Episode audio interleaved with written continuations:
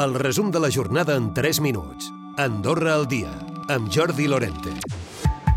Tothom qui sigui grup de risc es podrà vacunar des de dilluns vinent de la varola del mico quins grups són de risc. Eric Jové, ministre portaveu, posava alguns exemples. Si eh, una persona, independentment de la seva orientació sexual, doncs, ha tingut, per exemple, més de 10 parelles eh, en els últims eh, any, doncs això ja és un col·lectiu de risc. Si ha estat menys de 3 parelles en els últims 3 mesos, també s'identifica com a pràctica de risc.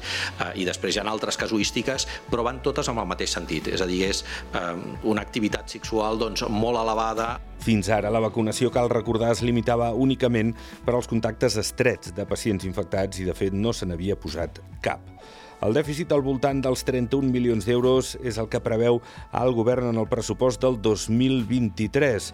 En un projecte que s'ha presentat avui, s'ha aprovat des del govern i entrarà a tràmit parlamentari aquest mateix dijous.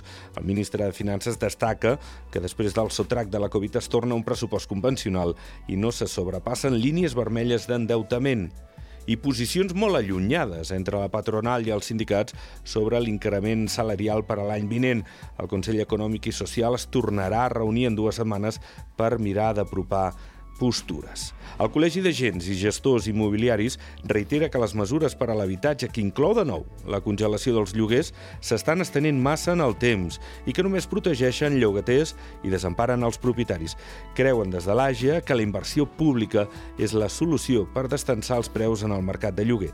En parla el seu president, el Gerard Caselles. Després de 4 o 5 anys veiem que no té cap efecte sobre l'augment d'habitatges de lloguer i en canvi també van en perjudici del, del propietari, fins al punt de que l'altre dia un propietari em deia de que tenia la sensació de que li havien segrestat el pis, no?